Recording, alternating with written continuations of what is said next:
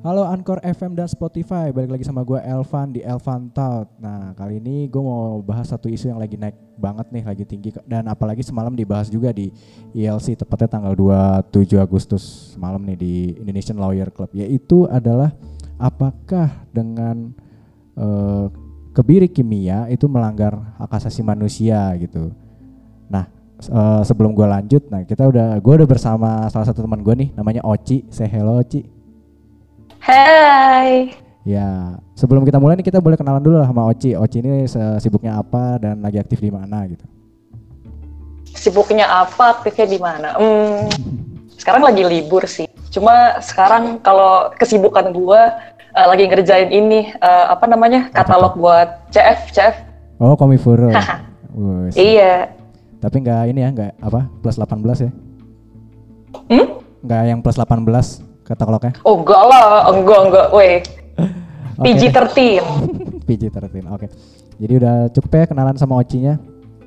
Jadi sebelum kita mulai nih, jadi topik yang lagi hangat tuh jadi ada seorang laki-laki yang uh, menurut infonya, menurut beritanya, dia memperkosa sembilan anak uh, perempuan di bawah umur, salah satunya di umur 9 tahun. Cuman akhirnya dia dijatuhkan hukuman kebiri kimia. Namun permasalahannya pihak keluarga memprotes dan mencari uh, perlindungan dari lembaga hak asasi manusia uh, dan ternyata kebiri kimia itu uh, bisa dikategorikan melanggar hak asasi manusia juga. Cuman sebelum kita lanjut, kita mensampingkan uh, kasus berita itu. Cuman di sini ada hal yang menarik tentang apakah kebiri kimia itu seperti apa nih yang bakal kita bahas. Nah, jadi gue mau tanya mau Ci nih.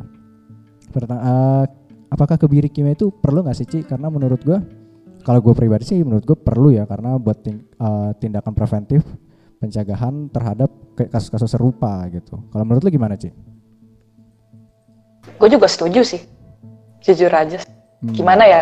Um, like uh, secara pribadi, menurut gue tindakan kriminal memperkosa itu gue paling benci itu. Gue paling benci tindakan kriminal yang di mana itu seseorang memperkosa mau itu cowok ke cewek ataupun cewek ke cowok gitu. Mm-hmm. Dan kayak apakah kebiri kimia itu perlu? Menurut gue sangat perlu. Soalnya kayak yang lo tadi ngomong, mm-hmm. kalau nggak ada tindakan tegas itu, gue takutnya kayak hal yang sama. Mereka tuh nggak bakal nggak bakal kapok gitu loh. Nah, iya sih itu yang harusnya ditekanin. Mm-hmm. Dan apa ya uh, sebenarnya gue sempat baca sih katanya udah ada di undang-undangnya. Hmm. tapi baru kali ini yang emang uh, ada eksekusinya gitu. Jadi menurut gue ya ini bagus. Akhirnya ada tindakan tegas. Dan toh apa sih yang bisa memaafkan perkara di mana lu memperkosa anak-anak di bawah umur 9 bahkan lebih dari itu gue yakin pasti lebih dari itu. Kayak iya. itu itu nggak itu udah nggak bisa di rehab lagi cuy. Itu udah lu harus ada masa depan lu udah hmm. harusnya udah di gak bisa lagi deh gak bisa. Itu udah bahaya aset lu di bawah situ udah bahaya.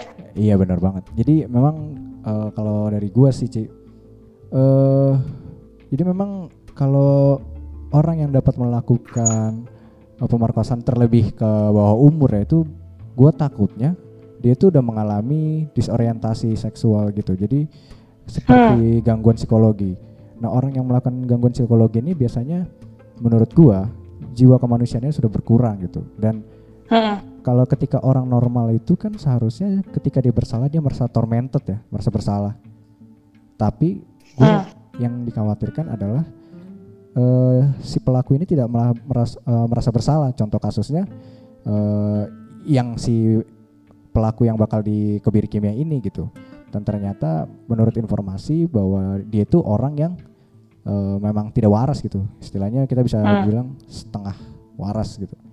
Kalau itu dia pengakuan dari keluarganya. Nah menurutku malah ya seperti itu yang harus dikebiri kimia gitu. Orang yang tidak waras itu malah tidak dapat menentukan mana yang baik dan benar kan hmm. nah jadi kalau misalnya dia tidak dapat menentukan yang baik dan benar ya sangat berbahaya banget dia tidak dikebiri kimia dan sangat membuka kemungkinan suatu saat dia akan melakukan hal yang sama lagi gitu menurut gua ya emang harus gitu justru justru karena itu karena dia udah tidak bisa membedakan yang mana yang baik dan benar dan juga kayak itu dia cuma udah nggak sekali, udah nggak dua kali, itu bener-bener dia udah jadi kayak hobinya gitu loh. Nah, itu. It's it's unforgivable man. Like bahkan lu udah nggak ada excuse lagi untuk itu. Iya benar banget, gue setuju banget. Nah bahkan kemarin di ILC itu, kok gue kemarin ngikutin banget karena kebetulan gue jadi kalau for information buat yang dengerin, gue tuh ngabarin Oci itu hari Sel Senin apa Selasa ya Ci? Eh eh Senin. kemarin. Kemarin ya. Nah kemarin terus malamnya pas banget berita ini naik di ILC gitu, tanggal 27 Agustus. Terus gue jadi nontonin sampai habis gitu. Terus ada poin apa poin yang menarik tuh di eh, acara semalam kalau si keluarganya bilang eh bahkan saudara saya ini sudah tidak waras karena ketika saya datang ke lapas membesuk dia bukannya minta maaf apa atas perbuatannya setelah dilakukan ya terhadap apa istilahnya sudah merepotkan keluarganya tapi malah bilang kok kamu tega ngelakuin itu? Nih mau, mau sebelumnya gue minta maaf nih bakal ngelon- ngelontarin kata-kata ini si pelaku malah bilang orang aku keluar di di luar kok gitu Ya Allah. dan itu gue merasa langsung ih kok ada ya orang sanggup bilang gitu itu psikopat an. Oh sorry, no profanities ya. ya sebisa mungkin kita in general cuman kalau kasus ini nggak bisa general sih pasti bakal berat di satu pihak agak berat soalnya. Sorry cuy, gue gue emosi banget sama kasus-kasus kayak gitu. Gue tiap kali ngeliat berita kayak gitu, gue bawaannya tuh marah, sangat-sangat marah. Karena kayak dan ditambah juga gue ngerasa desperate gitu loh. Karena gue nggak bisa melakukan apa-apa, gue cuma bisa baca dan ngerasa kasihan. Dan kayak gue selalu membayangkan andaikan gue bisa ada di sana. Dan kayak nyelamatin korban-korban itu gitu kayak. nah Aduh, gue benci banget sama Makanya- pelaku pemerkosaan. makanya mulai sekarang gue makanya salah satu dari poin podcast ini suatu saat mungkin bisa menjadi referensi pergerakan-pergerakan ke depan gitu loh gitu nah eh, Oci masih connect kan Masih, masih. Oh, Nah, u- eh, tapi Ci kemarin tuh juga ada pembahasan tentang etika ke- kedokteran gitu. Menurut etika kedokteran bahwa kebiri kimia itu melanggar etika kedokteran gitu. Jadi jadi abu-abu juga nih ketika fungsi dokter kan adalah menyembuhkan orang sakit, tapi ketika dokter disuruh sebagai bukan memberi penyakit sih, tapi mendisfungsionalkan satu bagian eh apa ya bagian tubuh manusia itu merasa menjadi kayaknya dokter takut bukan takut sih dia melanggar sumpahnya.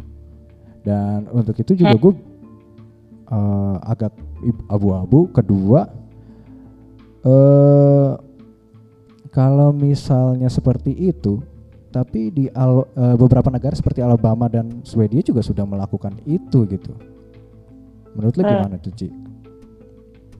Ini kayaknya sama deh kayak kalau soal etika pernah tuh gue baca di eh, kalau nggak salah di Belanda ya. Jadi Hmm. eh, di sana diberikan izin untuk apa ya sebutan bahasa Indonesia itu euthanize. Jadi orang ini lu sengaja dimatikan kayak kayak misalkan eh, hewan peliharaan lu yang udah udah sakit-sakit banget nih. Iya, terus habis itu lu bawa ke vet, terus habis itu di no di put down, di put down Karena umurnya udah tua dan dan kayak udah daripada lu kasihan dia ngeli- eh, ngelihatnya sakit kelamaan jadi lebih baik ya udahlah tidurin aja tidurin tanda kutip. Dan ini eh, operasi semacam ini juga berlaku ada ke manusia gitu. Hmm. dan bahkan orangnya di bawah umur dia masih 14 atau 15 tapi dia kayak ini gara-gara dia eh, ini gara-gara dia depresi ceritanya. Oh, I see. gara-gara dia depresi dia minta ke dokter untuk dan keluarganya aku udah nggak kuat gitu. Aku pingin aku pingin udah dia pingin minta di put down secara sengaja oleh jadi di matinya tuh dengan tenang gitu dan menurut gue kayak oh, itu it seems absurd tapi itu juga melanggar etika kan? Karena lu harus menyelamatkan orang tapi kok malah men juga apa sih gimana ya mendukung praktek di mana lu juga? You know Hmm. putting down seseorang gitu dan kayak ini menurut gue kayak jika orang itu berkenan mungkin bisa ya dan Iya. kalau di kasus yang ini eh lu adalah seorang kriminal di mana lu menggunakan aset lu untuk melakukan tindak kriminal aset tanda kutip Iya iya, I got dan it. menurut gue kayak, cuy, kalau eh, dengan dengan lu mengkebiri seseorang, menurut gue lu pasti menyelamatkan korban-korban lain yang belum tersentuh sama dia.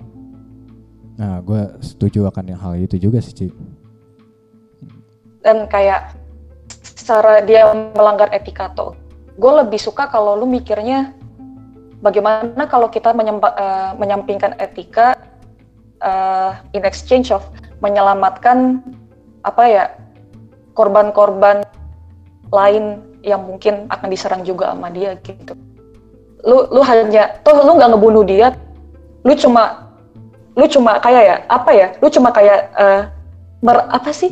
Meng, membuang membuang masa depannya masa depan apa sih orang-orang tuh mereka tuh nganggapnya kalau pelanggar ham itu karena oh kalau gue nggak punya alat reproduksi gue nggak punya masa depan sorry orang-orang pemerkosa seperti ini mereka tuh udah nggak punya masa depan mereka nggak pantas buat punya masa depan okay. sorry nih stay calm stay calm stay calm jadi, jadi memang uh, kenapa gue agak setuju karena memang secara medis uh, perbedaan cowok da dan perempuan di libido itu kalau cowok itu lebih cepat naiknya daripada uh, lebih cepat naiknya dan lebih cepat juga turunnya.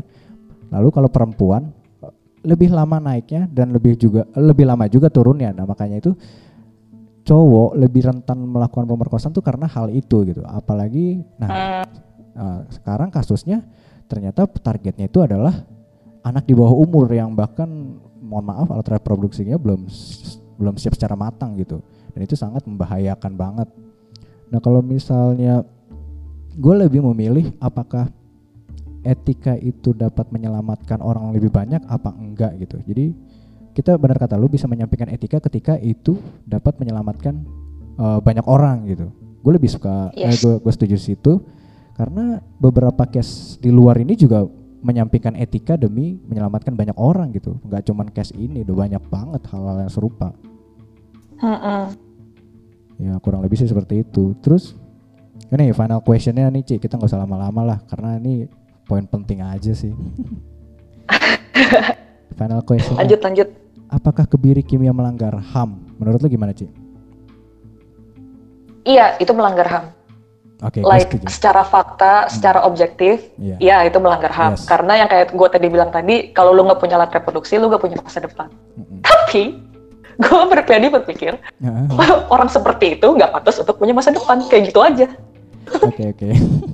jadi gini kayak lu ini ya lu lu cuma menggunakan alat lu ini cuma untuk pipis udah gitu hmm. kenapa lu tidak bisa apa ya kenapa lu harus menggunakan alat kelamin lu itu untuk menjadi predator hmm. it doesn't make sense untuk apa sih untuk apa sih untuk memuaskan libido lu? Kenapa lu nggak bisa lebih sabar? Kenapa lu nggak bisa mencari orang yang, you know, uh, uh, apa sih yang bisa kayak uh, menjaga lu mungkin sama-sama sayang sama lu mungkin kenapa lu harus dengan sengaja mencari anak-anak kecil gitu? Itu maksudnya apa? Lu apa nggak mikirin? Mereka tuh punya orang tua loh. Mereka tuh masih kecil loh. Mereka tuh lu tahu nggak sih ya di kalau cewek ya mm-hmm. ataupun cowok lah kalau nih karena karena mereka masih kecil alat reproduksi dia kayak yang lu bilang tadi itu belum mateng ya kan? ya, kalau ada alat masuk ke dalam situ yang rusak itu bukan cuma alat kelaminnya aja.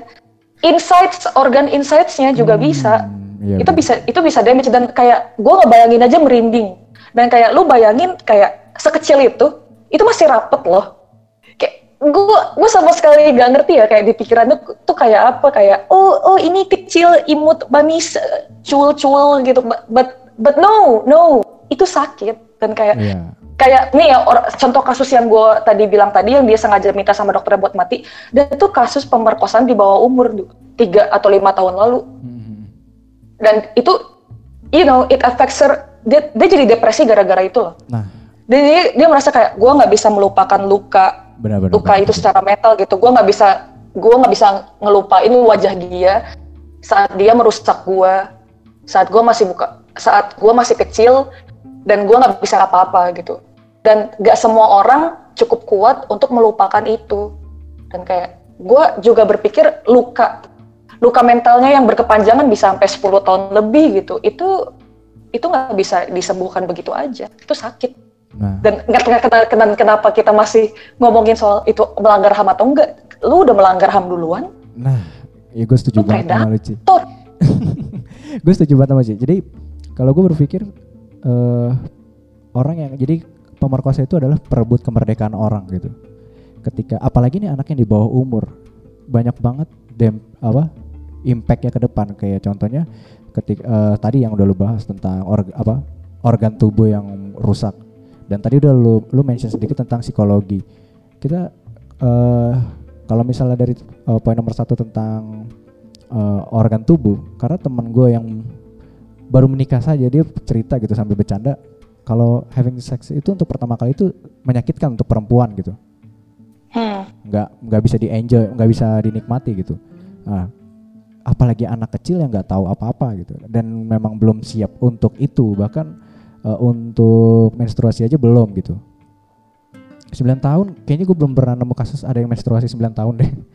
Dan itu berarti kan menandakan bahwa organ itu belum ready untuk apa-apa gitu. Nah yep. untuk yang kedua psikologi. Bener yang banget yang kalau kata lo bilang kalau misalnya suatu saat eh kalau si anak ini si korban ini mung, bukan mungkin emang pasti dia nggak akan lupa tentang kejadian itu seumur hidupnya gitu. Dan pasti akan hmm. berdampak pada pola hidupnya dia pola cara berpikirnya uh -huh. dia. Dan itu sudah merenggut. Coba lu bayangin lu umur 9 tahun dan lu sudah menentukan bahwa hidup lu tuh sudah hancur.